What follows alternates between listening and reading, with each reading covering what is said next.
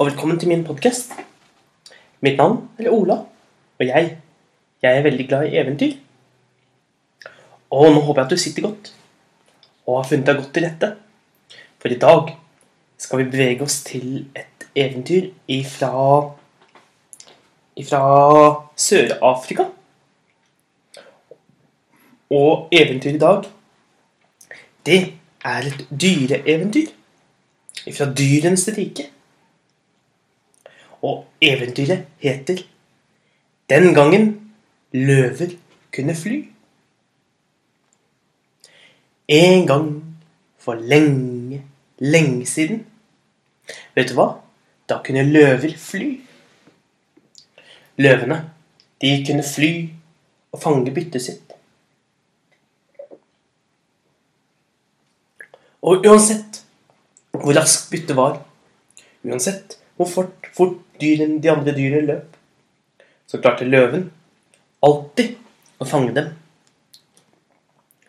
Men, men løven visste at uh, denne magien Hvis han skulle kunne beholde den magien, så var det viktig at han tok vare på alle bena fra alle dyrene han spiste, og at ingenting skjedde med de. Dersom de skulle ende med å knekke, ville han også ikke lenger kunne fly.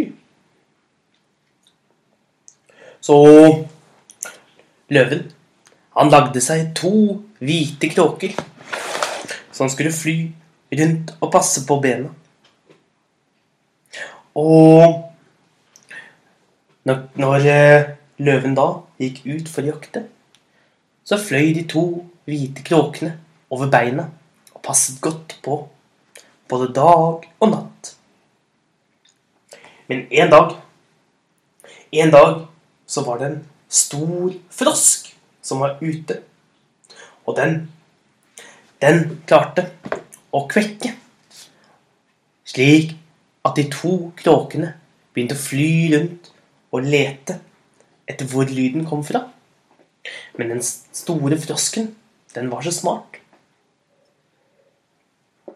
Den krøp under løvet, under en stor busk, helt til den kom fram til den store haugen med alle bena til løven.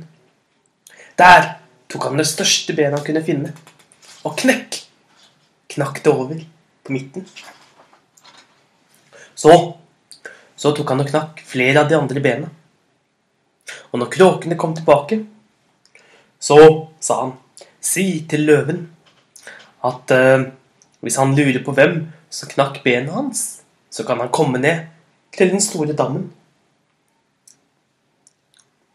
Og fra denne dagen kan ikke mennesker og dyr lenger leve sammen.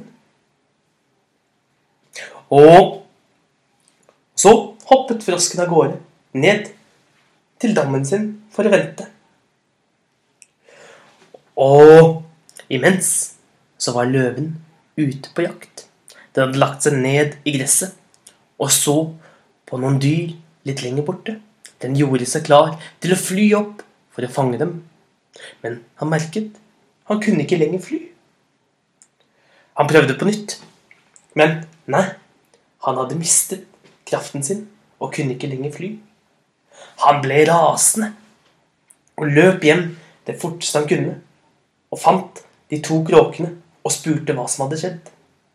Og de fortalte hva som hadde skjedd, og at hvis han ville vite hvem som hadde ødelagt benet hans, da, da skulle han gå ned til den store dammen. Og løven løp ned der nede, på, ved siden av ved siden av den store dammen, på et stort vannliljeblad. Der satt frosken. Hva har du gjort? Hvorfor kan jeg ikke lenger fly? Er det du som har knukket bena mine? Ja, det var det, sa frosken. Og løven Løven, den eh, snek seg ned i gresset og prøvde å snike seg så nærme den kunne frosken. Men hver gang han kom i nærheten, så sa frosken 'hoi!'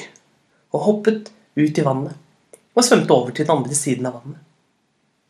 Og på ny prøvde løven å snike seg så stille som mulig framover. Men hver gang så hoppet, hoppet frosken ut i vannet. Til slutt så ga løven opp og gikk hjem. Og fra den dagen så har ikke løver lenger kunnet flydd. Og Og i tillegg I tillegg så er frosker og løver ganske bitre fiender den dag i dag. Men løven det er sjelden den klarer å fange de raske froskene